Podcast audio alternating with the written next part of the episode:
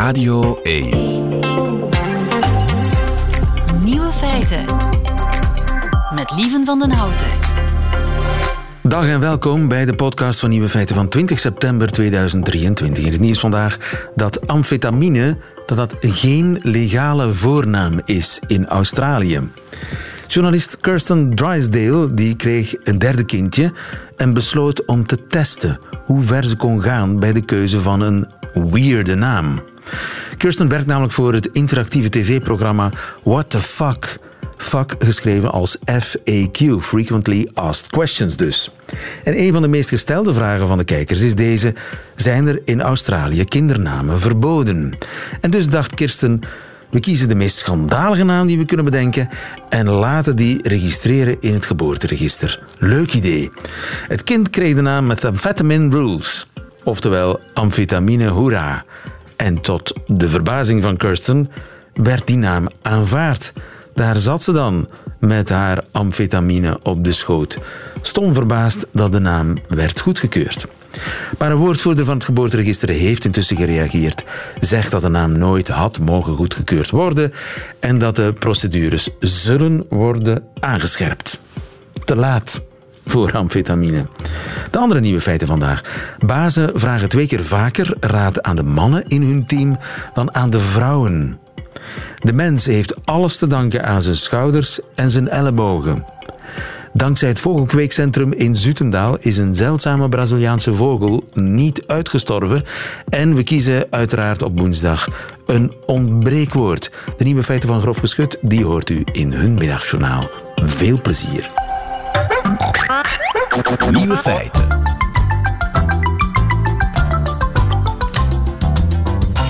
Bij wie gaat de baas te raden als hij een beslissing moet nemen? Bij de mannen in zijn team of bij de vrouwen?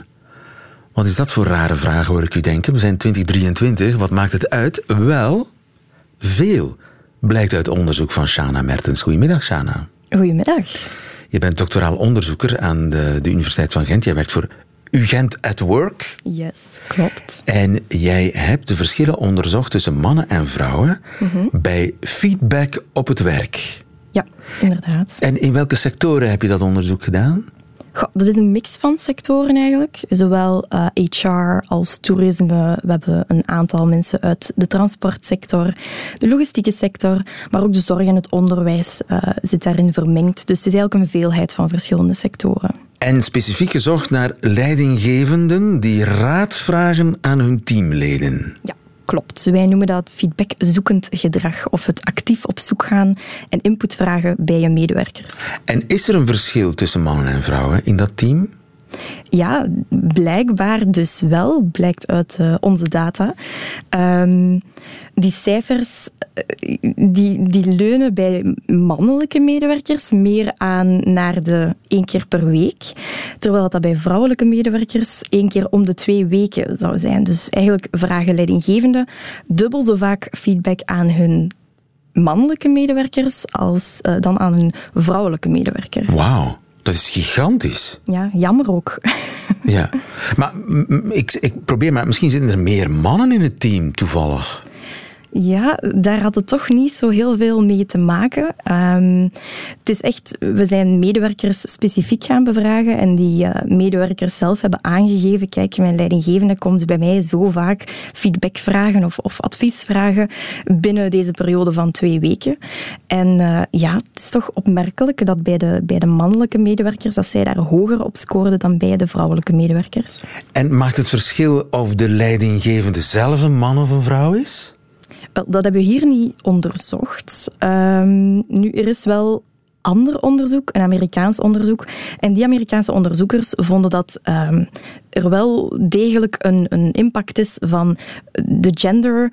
Uh, de genders van de leidinggevende en de, de, de, medewerker. Dus als die genders verschillend zijn van elkaar en de, de ene is een mannelijke uh, medewerker, de andere is een vrouwelijke medewerker, en wanneer de man in de relatie de leidinggevende is, dan zouden vrouwelijke leidinggevende, vrouwelijke medewerkers, excuseer, dan zou het voor hen en ik zet dat tussen aanhalingstekens, interessant kunnen zijn om hun leidinggevende te gaan vleien, uh, in plaats van die persoon echte, eerlijke, oprechte feedback te gaan geven. En heb je daar een verklaring voor dat uh, ja, er 50% meer kans is dat de baas raad vraagt aan een man in zijn team dan aan een vrouw?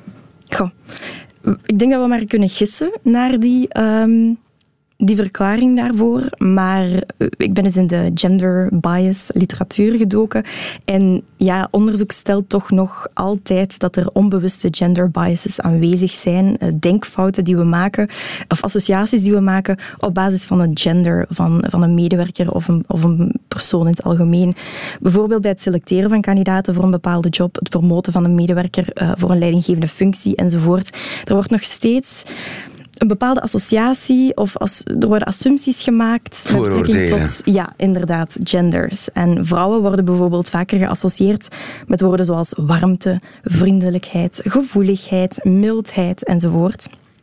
Dat er wel bij de mannen eerder gebeurt met woorden zoals competentie, zelfvertrouwen, ambitieus zijn, sterk zijn. En mogelijk hebben dus de leidinggevenden toch nog zo'n ja, zo'n onbewuste gender bias, waardoor ze onbewust ook uitgaan van het idee dat mannelijke medewerkers competenter zijn en dus meer relevante input kunnen leveren dan vrouwelijke medewerkers.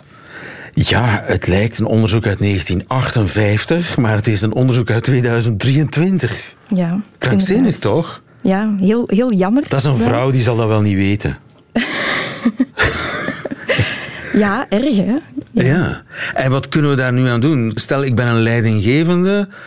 Kan ik die cultuur omdraaien in mijn bedrijf? Goh, dat is een moeilijke, omdat cultuur echt iets op een lange termijn is. Dat wordt gecreëerd. Um, nu, misschien moet ik daar wat toelichting bij geven, want uh, dit onderzoek kadert eigenlijk binnen een groter onderzoek, um, waarin dat we gingen kijken naar feedback die van onderen naar boven doorcijpelt in de organisatie. Dus die naar boven wordt gestuurd. Um, medewerkers bijvoorbeeld die feedback geven aan hun leidinggevende, maar ook leidinggevende feedback actief gaan vragen aan hun medewerkers. En dat is heel belangrijk om zo'n onderzoek te doen, omdat er zoiets bestaat als de CEO-disease. Dus leidinggevenden zijn vaak minder goed op de hoogte van wat er effectief gebeurt op de werkvloer, krijgen geen geen feedback over hun functioneren of, het, uh, of hoe het eraan toe gaat in de organisatie. En volgens onderzoek kan dat heel, er, heel erg gevaarlijk zijn. Dus er zijn ja, Dus er is sowieso een, een gebrek aan uh, dat soort feedback van, ja, van beneden inderdaad. naar boven. En er zijn ook effectief organisaties die daardoor ten onder zijn gegaan. Dus leidinggevenden kregen dan enkel het positieve te horen, hadden een verstoord ja. idee van de werkelijkheid. En inderdaad, dat is heel gevaarlijk. En die cultuur kan je heel moeilijk aan gaan passen. Je kan proberen te werken aan een, een open communicatiecultuur, een open feedbackcultuur, zoals wij dat noemen. Dus dat feedback in alle richtingen en van alle partijen gestimuleerd kan worden en geapprecieerd wordt ook door al die partijen. Um, verder zouden wij misschien aanraden om hier um, organisaties richtlijnen of trainingen te laten ontwikkelen die gericht zijn op het bevorderen van gelijkwaardige communicatie tussen leidinggevende en medewerker, ongeacht welk geslacht beide personen hebben of welk gender. En bovendien moeten leidinggevenden zich ook bewust zijn van het feit dat die opwaartse feedback van medewerkers niet altijd even eerlijk is. Want in hetzelfde onderzoek, en dat is misschien ook nog een interessante bevinding om mee te geven, zagen we dat vrouwelijke medewerkers ook rapporteren dat ze uh, minder eerlijk durven zijn ten opzichte van hun leidinggevende. Dus ook de feedback die ze dan wel opwaarts geven. En als er hen om feedback wordt gevraagd, dan is die misschien ook minder eerlijk. En nu zien we dat vrouwen dat iets meer doen, maar ander onderzoek wijst ook wel uit dat dat heel vaak gebeurt. En vooral in inderdaad organisaties en culturen waarin er een hogere machtsafstand bestaat en dergelijke. Ja. En ja, daar moeten leidinggevenden zich wel bewust van zijn. Ja, dus van levensbelang voor bedrijven een, een goede feedbackcultuur. En dan liefst uh, zonder onderscheid te maken tussen mannen en vrouwen. Nog veel werk, kennelijk. Shana Mertens, dankjewel. Goedemiddag. Het ontbreekwoord. Rick de Leeuw gaat op zoek naar woorden die in onze taal helaas nog niet bestaan. Een woord dat helaas nog niet bestaat, dat zoeken we dus op woensdagmiddag. Goedemiddag, Rick de Leeuw. Goedemiddag. Rick, jij bent de aanjager van het ontbreekwoord, de koene ridder. De ridder van... Heb, je eigenlijk al de balju van het ontbreekwoord, de aanjager? De grote voorstander, de voorvechter. In ieder geval ook goedemiddag Ruud Hendricks. Goedemiddag. Hoofdredacteur van Vandalen, die zoals elke woensdag de knoop zal doorhakken vandaag. En er is goed nieuws, heren. Oh ja? De ontbreekwoorden van de voorbije weken en maanden, die vinden stilaan hun weg in de boze buitenwereld. Ja? Nog niet zo lang geleden brachten wij ter wereld het woord huicheljuichen. Men herinnert zich dat nog. Ja. Doen alsof je blij bent. Huicheljuichen. Ja. Wel, dat woord is op tv geweest. Huicheljuichen. Is dat fout geschreven volgens Vandalen? Juist geschreven volgens de Vandalen? Of staat niet in de Vandalen? Staat volgens mij niet in de Vandalen. Dat is volledig correct. Kijk, Dat is volledig correct. Philip Geubels, in, hoe heet zijn quiz ook alweer? Ik heb het u letterlijk eh, juist gezegd. Ja, zoiets. Ja, Ja, ja, ja. Het staat nog niet in, nog niet in Vandalen. niet. Correctie, Philip. Maar als Filip het al begint te gebruiken Eh, ja, en dat vragen maakt- over stelt... Maakt de kans groter en groter dat het woord ooit in de Vandalen terechtkomt. Goed, ehm, Rick, welk woord zoeken we vandaag? We zochten een woord voor handelingen die je dermate op de automatische piloot verricht dat je niet goed weet of je ze nu wel of niet hebt uitgevoerd. Bijvoorbeeld, je rijdt de straat uit en na een paar kilometer vraag je jezelf af: heb ik de voordeur wel op slot gedaan? Je rijdt terug en jawel, Tuurlijk. de deur is op slot. Precies, daar zochten we een woord voor. En meerdere luisteraars wezen ons erop dat er al een naam voor bestaat. Het OCS, een obsessief compulsieve stoornis. Maar Ja, ja, ja, dat is een afkorting Ja, ja. en geen woord. En dat geldt voor En heel... En bovendien- dat staat op veel meer dan dat alleen, hè? Bij- Precies. Nee? Ik wil ook wel zeggen, bovendien is het wel een heel problematische interpretatie van onze vraag. Maar toch bedankt voor al het begrip van de luisteraar. Goed, en eh, er, ik heb gehoord het cijfer 600. Dat er ongeveer zoveel suggesties zijn binnengekomen van luisteraars. Het was veel. Ik heb gisteren de hele dag zitten wikken en wegen. Ja, ja. De vangst was werkelijk rijk. Ik zal een, een kleine greep doen uit de suggesties. Luister. Routine twijfel. Twijfeldwang. Routine angst. Check drang. Twijfelcheck. Zekere zucht. Wijfel twijfel. Sleur dubio. Duptomanie. Of zoals met veel gevoel voor zelfkennis werd ingestuurd door Linda Huibrechts. Een Lindake doen. Een Lindake doen. Ik heb al heel veel goede woorden gehoord. Ah, Eh, ja, ja, het ja. Twijfeldwang, wat was het ook alweer? Twijfel, ja, zoiets. Ja, ja, ja. ja. Goed, maar dat zijn dus allemaal woorden die niet eens de top 7 van Rick de Leeuw Top hebben gehaald. Een enorme rijkdom, meneer. Ja. Rick, Zal ik die, eens wat noemen? die top 7 begin eraan. Ja. Nante Hermans komt met Nante. mancomatisme. Er zijn te weinig Nantes. Ja. Dat wil ik maar even Ja. zeggen. Waarmee kwam Nante? Eh, met mancomatisme. Mancomatisme. Oeh. Geen Nante, maar manco. Ja, ja, een manco is een gebrek. is een gebrek. Hè? Dus, eh, maar is dat iets wat je niet meer weet of je het echt niet hebt gedaan? Het, is, het lijkt me niet precies genoeg. Mancomatisme. Het lijkt me, het lijkt me eerder een, een, ja, een, een, een neiging om allemaal dingen fout te doen. Ja, Zo'n automatisme om manco's te Ja, vertonen. ik heb, een, ik heb mancomatisme. Ik doe alles is verkeerd. Ja, dus we hebben weer een mooi woord gevonden voor iets wat we niet zochten. Heel vaak is dat zo. Nante, mooi woord, Ja, mancomatisme. hè? maar niet voor dit, maar een heel mooi woord. Mm. Oké. Het is een nimmer opdrogende bron. Eh Anne Wiekstand komt met boemerangst. Boemerangst. Oké, ik Dat herken kan er- de, de overtreffende trap van een boem- boemerang zijn. Maar Ja. ik denk dat het de angst is voor iets wat je al gedaan hebt. Of wat, wat zeg maar eh, terugkeert. Een terugkerende angst voor dingen Of, doen. of omdat je zelf. dingen doen. Ja, of omdat je zelf terugkeert als een boemerang naar waar je vertrokken dat. bent.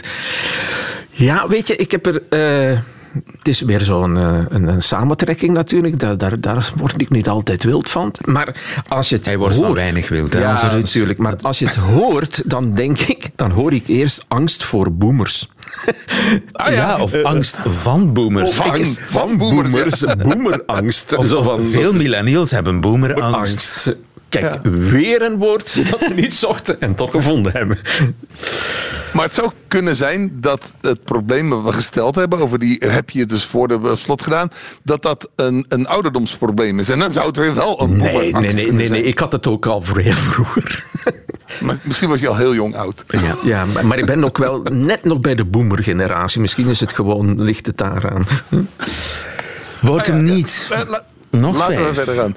Ja. Eh, Pieter de Bruin Kops komt met vergewisdwang. Vergewisdwang. Dat vind ik wel goed. Ja. Want het is echt precies wat het is. Precies wat het is. en moet dat heeft het voordeel. vergewissen. Ja, ja, ja. Je, je hebt eigenlijk een bijna een ziekelijke neiging, een dwang. Dat is nog sterker dan drang. Hè? Maar je hebt echt een dwang waar je niet onderuit kunt om je ervan te gaan vergewissen dat je iets echt wel gedaan hebt. Nee, dit vind ik echt wel een goeie. Omdat het ook een. Het klinkt heel gewoon. Ja, vergewisdwang. Vergewist. Alsof het er altijd Wat al was. geweest is. En Ja. dat is een grote plus. Hè? Plus die dubbele W, hè. Wisdwang. Ook al. Ver- Ja, dat klinkt nog eens, wel. goed. Ja, klinkt nog ja. eens lekker. Ja, dat, dat is toch wel een eh, goede ja, kans. En het woord vergewissen komt weer eens terug. de Ja, ja, ja. Daar, woord. daar zijn we ook altijd voor. Als we zowat woorden die in de vergetenheid dreigen te raken, als we die weer kunnen naar boven halen. Nou, We zitten een streepje achter vergewisdwang. Maar we gaan verder met Karin Matthij. Die kwam met verstroeid. Oei. ja, verstrooi. verstroeid. Maar Ik vind het vies. Nee, vies vind ik het niet, maar ik vind het. Het is, het is verstrooid. ja, maar. Het- lijkt iets- iets nee, maar ik heb hem niet meteen. Ik en, ook niet. En dat Nee. is. Rick, leg eens uit. Wel, Rick? Verstrooid. Ja, ik denk dat het een, een soort eh, een, een oeps, een oei-moment in, het, in de verstrooidheid Ah. is. Maar, maar ik heb ook de associatie met Annie M. G. Schmid. En dat is ook een niet onbelangrijke taalvernieuwer. Dus Ja. die, ik, voor mij is dat, is dat een, een woord wat ik ook met, met, met heel veel andere dingen associeer. Daar vind ik, ik was daar gelijk verliefd Je vindt het gewoon een mooi woord. Ja. Ja. Rick, Wat het ook mogen betekenen, je vindt het gewoon een mooi woord. Ja. Moeten, dat is een volgende rubriek. Betekenissen bedenken voor een mooi woord. Ja. Ontbreekt betekenis. Breuk betekenis. Dat is nieuw. Ja. Verstrooid. Wat zou verstrooid kunnen zijn? betekenen. Ja. Eh, Jos of Jos de Jong komt met een heb ik welletje. Een heb ik wel het. Ja. Niet slecht, hè? Nee, je weet dat ik, eh, dat ik al vaak dat soort van vormingen heb eh, ja, laten winnen. Ehm, en dus dat verkleinwoord... met een- ja, ja, ja, ja, ja, van een nog eventjes en zo. Dus, eh, Welletje. en Heb ik dat wel heb- gedaan? Heb, heb ik welletje. Dat is toch ook wel mooi. Ja, ja, ja, ja. Ik moet naar huis, want ik heb een welletje. Heb, ik heb een heb ik welletje. Ja, Sorry hoor, ik moet even naar huis. Ik heb een heb ik welletje. Heb ik welletje. Ja, ja, ja, ja, ja, ja. Want de koffie is wel afgezet. Hè? Ja, heb, heb ik het. Heb, Volgens mij staat de ijskastdeur nog open. ja, ja. Hmm, heb ik welletje. Ja, dat heb ik onlangs wel geflikt. Dus, zo. Eh, maar dit ook heel... Oké, Jos. Eh, Jos de Jong bedacht heb ik welletje en dat maakt zeker kans. Ja. Nog twee te gaan. Nancy van den Einde, Sebastian Engelen, Sylvia Tienpont en Gérard Pitaar komen met een déjà vu.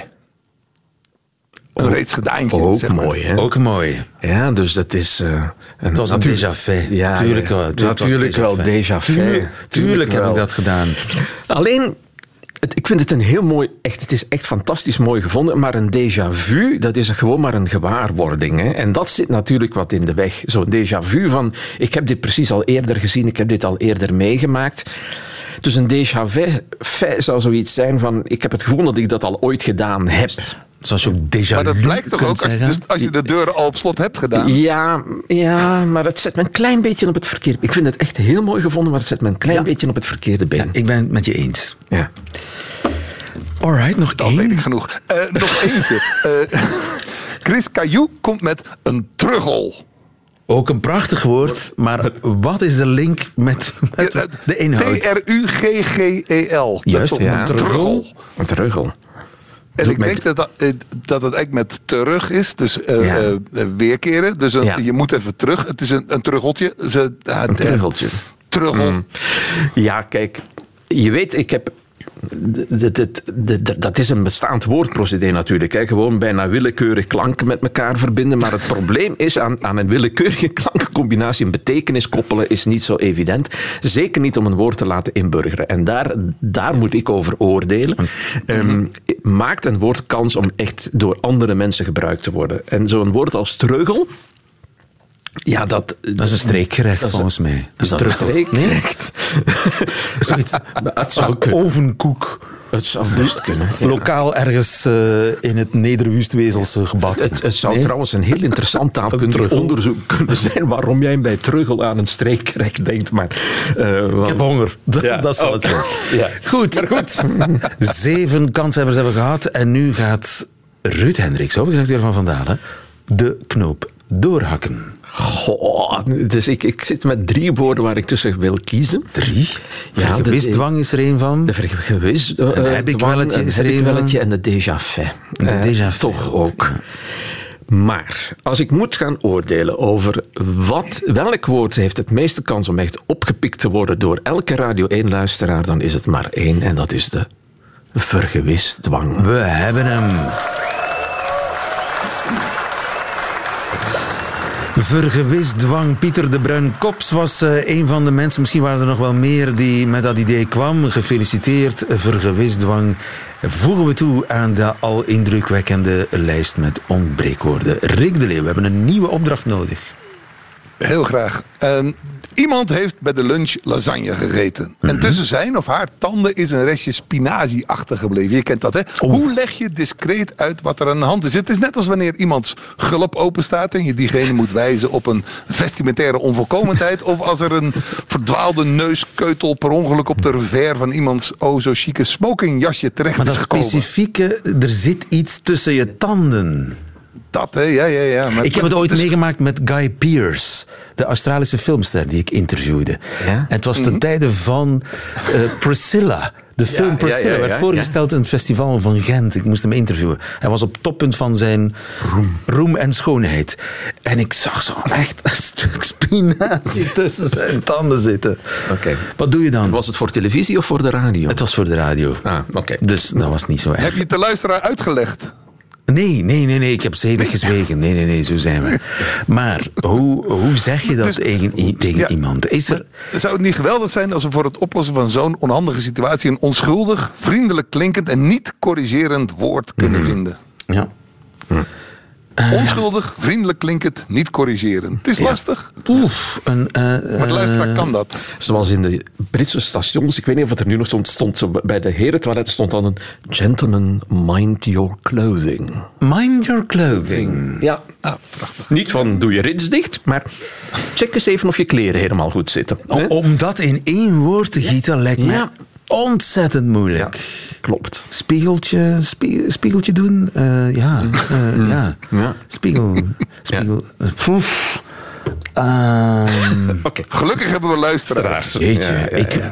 Oké, goed. Eh, luisteraar, mocht u toch een geniale inval hebben, laat het ons eh, weten. Reageer via de grote ontbreekwoordknop in de app van eh, Radio 1 of gewoon op eh, www.radio1.be.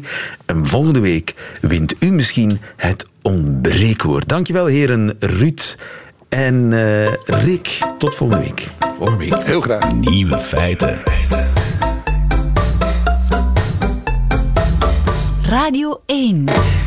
En de held van de dag is Geer. Geer Scheres uit Zutendaal, die een vogelsoort van uitsterving heeft gered.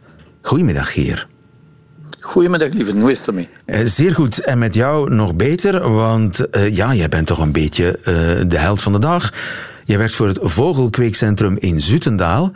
En eh, jij hebt ervoor gezorgd, van jij niet alleen, waarschijnlijk ook in samenwerking met je collega's eh, in Zutendaal en in Brazilië, dat de roodsnavelhokko niet is uitgestorven. Ja, dat, eh, dat is wel waar, ja. Maar het is een hele tijd een heel lang project wat we eh, gestart zijn in de jaren tachtig. En uiteindelijk heeft dat ertoe geleid dat we de vorige week nummer 400 van deze vogelsexemplaren hebben kunnen loslaten in een van onze reservaten. En in al die tijd dat we ermee bezig zijn, zijn ook al 300 kuikens weer in het wild geboren. Die vogel was bijna uitgestorven toen we ermee begonnen. En via via en heel toevallig hebben wij dus altijd een, eh, hebben wij aan dat mm, in Braz- Brazilië kunnen werken met, met mensen. En eh, ja, dat is, dat is dus zo dat, dat die vogelsoort eh, gered is nu, ja. Ja, ja, want eenmaal er kuikens in het wild geboren worden En je zit met 400 uh, exemplaren die, ja, die uh, hun kostje vinden en die zich amuseren in het wild. Dan kun je met zekerheid zeggen, of met een gerust hart zeggen, dat het beest niet is uitgestorven. Ja, dat is, dat is natuurlijk wel zo. Er waren maar heel weinig. En, uh, Hoeveel waren er nog op het laatst over in de jaren 80? Er waren er nog ergens in de jaren 80 waren er 12 tot 16 en heel precies weten we niet. In ieder geval hebben we toen toestemming gekregen om een aantal vogels aan de natuur te onttrekken, omdat er de populatie zo klein was dat er weinig hoop was. En daarin zijn wij in, in gespecialiseerd, het, het kweken van vogelsoorten die met uitsterven bedreigd zijn. En oh ja, en die zijn dus naar, naar, naar Zutendaal gekomen, die roodsnavelhokko's? Nou, nee, in eerste, in eerste instantie niet. In eerste instantie hebben we in Brazilië natuurlijk een heleboel moeten kweken. En toen was er toen der tijd de opvatting dat in een noodscenario, in het noodscenario, als er dus iets gebeurt, een catastrofe, hè, als je weinig vogels hebt, dan moet je natuurlijk een aantal vogels ver wegbrengen van het land van oorsprong, omdat die dan altijd gered zullen worden. Op het moment dat er ergens iets, een, een vogelziekte uitbreekt, bijvoorbeeld, dan gebeurt er natuurlijk, uh, dan kun je ze natuurlijk allemaal verliezen. En dan moet je als garantie een populatie hebben buiten Brazilië. En dat is toen, daar is België voor gekozen, in het ah, CBCC. Ja. Dus er zijn wel degelijk roodsnavelhokko's die in Zutendalen hebben gewoond. Ja, die daar nog wonen. Oh, ja. Dat is nog steeds onze reserve, onze reservepopulatie. Want je ziet dat sommige vogelpopulaties aangetast worden door de vogelgriep en allerlei soorten dingen. Dat kan altijd nog gebeuren. Hè? Maar dat zijn dingen die wij natuurlijk nu niet, dat wij niet weten. En zover kunnen we ook niet vooruitkijken. Maar we kunnen wel daar rekening mee houden. Ja, en geef mij eens een beeld. Hoe ziet zo'n roodsnavelhokko eruit? Nou, het eerste, het, het meest belangrijke wat hij heeft, is dat hij een rode snavel heeft. En voor de rest is hij zwart met een witte buik. En hij heeft een hele mooie kuif op zijn kop met allerlei, een soort kroeskuif. Ja, ja. En dat is nou heel, heel aardig dat hij uitziet. Maar die vogel is eigenlijk belangrijk Vooral omdat die groep vogels bio-indicatoren zijn voor het toestand van het tropisch regenwoud in de Amerika's. Zij eten vruchten en zaden en bladeren en zij verspreiden dus in het regenwoud de zaden en helpen mee het regenwoud te doen regenereren. Dat is een van de belangrijkste functies van die hokkenhoenders, die, die, die biologisch gezien zo belangrijk zijn voor de toestand van het tropisch regenwoud in de in de Amerika's, ja. ja. Ja, Maar hij ziet eruit als een soort, als ik het oneerbiedig, want ik heb hier intussen een afbeelding, hij ziet er een beetje uit als een kruising tussen een duif en een kip, maar dan zwart. Ja, het zijn hoendervogels, dus je zou zeggen, het is een soort uh, kalkoen op hoge poten die door de bomen loopt. Ja. en die pas naar de kapper is geweest, hè? wegens die, die ja, ook, geweldige mooi, mooi krulletjes, krulletjes ja, uh, op, op, zijn kop. Permanent. En uh, wat maakte dat hij in de jaren tachtig bijna was uitgestorven? Kijk, hij komt uit het Atlantisch regenwoud in Brazilië. Het Atlantisch regenwoud is natuurlijk uh, heel vroeg al gekolonialiseerd. Dus de, de Portugezen en de Nederlanders en ik weet niet welke naties Brazilië wilden veroveren, die hebben zich natuurlijk gevestigd aan die oostkust, uh, aan die Atlantische Oceaan. Er zijn massasteden ontstaan, als São Paulo, Rio de Janeiro, uh, in de staat Victoria ook. En die hebben het land van daaruit gekolonialiseerd. Het Atlantisch regenwoud is een regenwoud dat enorm gevarieerd was, maar ook liep tot aan het strand. En dan had je strand en oceaan. En de mensen hebben daar natuurlijk eerst gekapt en gekapt voor, voor, de, voor hun hout, voor hun behoefte, voor verwarming, voor koken enzovoort. En ook de bevolking die nam maar toe en nam maar toe. Dus eigenlijk van het Atlantisch regenwoud is niet meer veel meer over dan een aantal reservaten. En door die ontbossing is die dierenwereld van het Atlantisch regenwoud natuurlijk enorm bedreigd. Ja. Zo kwam dat. Ja, en uh, dankzij de inspanningen van jullie in Zutendaal is die, die vogel nu uh, gered. Uh, jullie zijn ook in Brazilië zelf, hebben daar samengewerkt met lokale organisaties. En waren erbij toen ja, de, de geredde exemplaren of de gekweekte exemplaren weer werden vrijgelaten in de natuur. Ja, daar waren we bij vorige week. Ja. Het was een emotionele bijeenkomst na 33 jaar. Na zoveel, na zoveel um, jaren van hard werken met enorm veel inzet en, en, en, en um, werk door de mensen, ook in Brazilië. Dat je dan de 400ste vogel kunt loslaten. En daar waren wij natuurlijk ook ontzettend blij en ook trots op. En wij danken ook alle mensen die daar meegeholpen hebben. En dat is natuurlijk ook heel belangrijk. De roodsnavelhokko is niet uitgestorven dankzij Geers en dankzij het Vogelkweekcentrum in Zutendaal en hun uh, broeders en collega's in Brazilië. Nogmaals gefeliciteerd en nog een fijne dag, Geer Scheres. Ja, bedankt. Dag. Nieuwe feiten.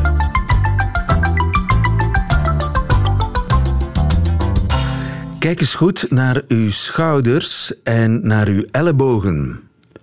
En wees dankbaar, want dankzij uw schouders en uw ellebogen wonen we niet langer in de bomen. Dominique Adriaans, goedemiddag. Goedemiddag. U bent uh, professor uh, evolutionaire biologie aan de Universiteit van Gent. Het zijn collega's van u in Amerika die hebben ontdekt dat onze schouders en ellebogen oorspronkelijk dienden om snel en veilig uit een boom te klimmen. Ja, dat klopt. En, en meer dan alleen uit een boom te klimmen. Hè. Wij zijn evolutionair ontstaan uit mensapen. Waaronder, zoals we vandaag nog kennen, chimpansees, orangutan, gorilla en zo. Uh, en typisch voor mensapen is dat zij zeer mobiele schoudergewrichten hebben en ook uh, een ellebooggewricht hebben dat helemaal gestrekt kan worden. En dat is zeer handig om hun specifieke manier van klimmen te doen. Dat is namelijk vooral door met de armen te gaan klauteren en te hangen aan de takken. In tegenstelling tot wat de meeste andere apen doen, die gaan dan vooral met de vier poten bovenop de takken gaan lopen. Dus onze voorouder was een mensaap. En die hebben zeer typisch een zeer mobiel schoudergewricht en armen die volledig gestrekt kunnen worden. Wat, dus heel, wat dus heel handig is om in die bomen te gaan klauteren en aan de takken te gaan hangen. En vooral ook om er veilig uit te komen. Een beetje zoals een mens een ladder afdaalt, dat hij zich vastpakt en zo met de voeten eerst naar beneden gaat. Ja, en dat is wat men nu gezien heeft. Hè. Men wist al, al lang dat uh, het verticaal klimmen heel belangrijk is voor die mensapen en dat dat waarschijnlijk ook de mogelijkheid heeft geboden om in de richting van onze evolutie te gaan naar het rechtop gaan lopen. Hè? Want als je verticaal klimt, dan hang je ook verticaal. Maar wat men nu gezien heeft, is dat uh, de grote mobiliteit in schouder- en ellebooggewricht vooral gebruikt wordt bij het naar beneden klauteren. Terwijl als ze omhoog klimmen, dan houden ze die armen en die schouder eigenlijk nog meer geplooid, gelijkaardig als wat apen eigenlijk doen, die dus niet die aanpassingen hebben. Maar als je vergelijkt een aap of een mensaap die naar beneden klautert, dan zie je dat die mensapen wel die schouder en die elleboog helemaal kunnen strekken, wat eigenlijk wel handiger is, energetisch veel interessanter is en ook veiliger is om een tak of een boom naar beneden te klauteren. Ja, want die, die primitievere apen, zeg maar, die blijven gewoon in die boom zitten, ook s'nachts en zo. Die, die komen zelden helemaal op de grond terecht. Ja, je hebt verschillende groepen van apen. Je hebt sommige die quasi nooit uit de bomen komen. Uh, dan heb je er die hoofdzakelijk in de bomen leven, maar nu en dan eens vlug naar de grond gaan om iets van voedsel te gaan zoeken, maar dan heel snel terug de bomen in om daar in veiligheid te gaan opeten. En dan heb je wel een aantal grotere apen, waaronder bavianen bijvoorbeeld, um, die dan toch vooral op de grond gaan leven. Maar die gaan dan op hun vier poten gewoon lopen als, zoals dat ze op de takken zouden gelopen hebben. Um, maar die, en dat is dan waarschijnlijk ook omwille van hun grootte, gaan veel minder in de takken uh, gaan dan die andere apen ja. bijvoorbeeld. Dus het, is eigenlijk een crucia uh, het heeft eigenlijk een cruciale rol gespeeld in de evolutie van, van uh, aap naar mens. Die flexibele schouders en ellebogen.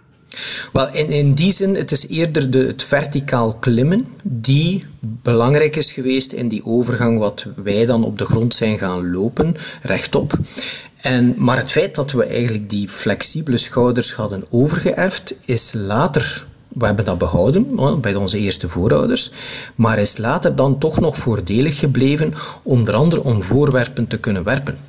Want wij zijn heel goed in ons, ons, om onze armen te gebruiken om voorwerpen heel hard en heel ver en zeer nauwkeurig gericht, denk maar aan een, een dartplayer of zo, um, heel gericht objecten te kunnen werpen. En dat is in een latere evolutie dan zeer nuttig gebleken, eens dat we werktuigen en werptuigen zijn beginnen maken voor de jacht en zo. Ah ja, natuurlijk, want zonder die flexibele schouders en ellebogen die zo nodig waren om veilig uit een boom te klimmen, konden we ook niet speren werpen. En dat speerwerpen was natuurlijk ook cruciaal bij ja, het jagen en, uh, en uh, aan de kost komen. Inderdaad, en, en daar zijn wij zelfs iets beter dan heel wat apen en mensapen. Want als een, een, een aap gooit met zijn arm, dan gaat hij eigenlijk de arm tamelijk gestrekt houden. En dus eigenlijk tamelijk inefficiënt gooien. Terwijl als wij gooien, dan gaan we zelfs onze elleboog eerst helemaal naar achter, dan eerst de elleboog naar voren en dan de arm strekken en zo verder. Waardoor dat we veel efficiënter zelf zijn in het gooien.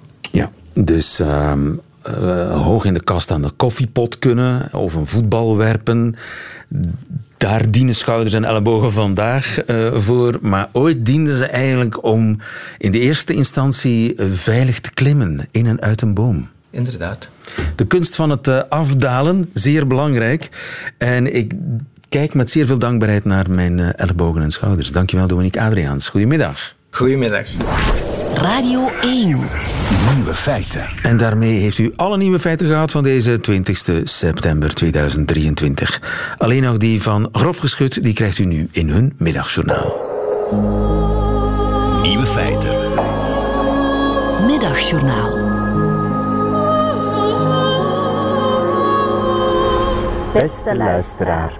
In 2022 lag het gebruik van antidepressiva bij 12 tot 18-jarigen ruim 60% hoger dan in 2018. Daar ging het afgelopen maandag uitgebreid over hier op Radio 1.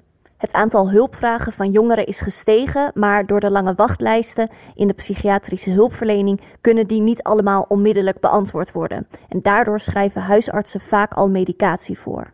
We hebben vanochtend nog een keer de interviews van maandag teruggeluisterd en ons viel op dat het lijkt alsof er vooral in vraag wordt gesteld of die huisartsen terecht voorschrijven, of ze daar niet te snel mee komen, in plaats van dat de vraag wordt gesteld: hoe komt het dat na alle alarmsignalen van de afgelopen jaren over het mentaal welzijn van onze jongeren, die wachtlijsten nog altijd zo crimineel lang zijn? Ik slik antidepressiva sinds mijn vijftiende. Niet voor depressieve gedachten, maar voor mijn angststoornis. Vijf jaar geleden trok ook ik aan de alarmbel bij mijn huisarts. Ik moet nu geholpen worden. Nou, mevrouw Van Velde, we gaan uw medicatie maar weer ophogen, want er is helaas nergens plek voor jou. Ja, ik woonde in Noord-Brabant. En ik was zo boos op die huisarts. Lekker makkelijk. Mij als een halve zombie, vergeetachtig en doodmoe van de bijwerkingen door het leven sturen, omdat hij geen zin heeft om te zoeken naar waar ik wel terecht kan. Meer dan een jaar later kreeg Mirte psychologische hulp. Lieve luisteraar, de stijging in de antidepressiva-consumptie is een symptoom, niet het probleem. Hoe kunnen wij als samenleving beter voor onze jongeren zorgen? Twee jaar geleden hadden we het hier over de zelfmoordcijfers bij jongeren die in Vlaanderen historisch hoog liggen. En nog altijd, ook nu over de antidepressiva, is de reactie die Radio 1 continu ontvangt: we bepamperen onze jongeren te veel. Maar hè? We bepemperen ze te veel, maar hè? In een wereld waar psychologen en therapeuten even intens zouden moeten adverteren als automerken misschien, ja dan. Maar dat kun je toch niet zeggen in een wereld waar jongeren zich massaal van het leven beroven of ten einde raad aankloppen bij hun huisarts met de vraag help mij, ik kan dit niet alleen. Om vervolgens nergens hulp te vinden behalve in de farma-industrie. Het had geen zin dat ik vijf jaar geleden woedend was op mijn huisarts. Hij kon net als ik geen kant op. Dus lieve jongeren, als jullie maandag net als wij schrokken van de luide reactie die kwam uit de achterban van Radio 1, dan zeggen wij hierbij: we bepamperen jullie niet te veel. Want dan zou er geen tekort zijn in de kinderopvang, in het onderwijs, in de psychotherapeutische zorg. Dan zouden jullie niet dag na dag in alle media te horen krijgen dat de wereld in de fik staat. Dat jonge mensen geen woningen meer kunnen betalen, dat de toekomst van onze generatie onzeker is. Voilà, een rustig beargumenteerd, totaal niet emotioneel betrokken middagjournaal. Tot morgen.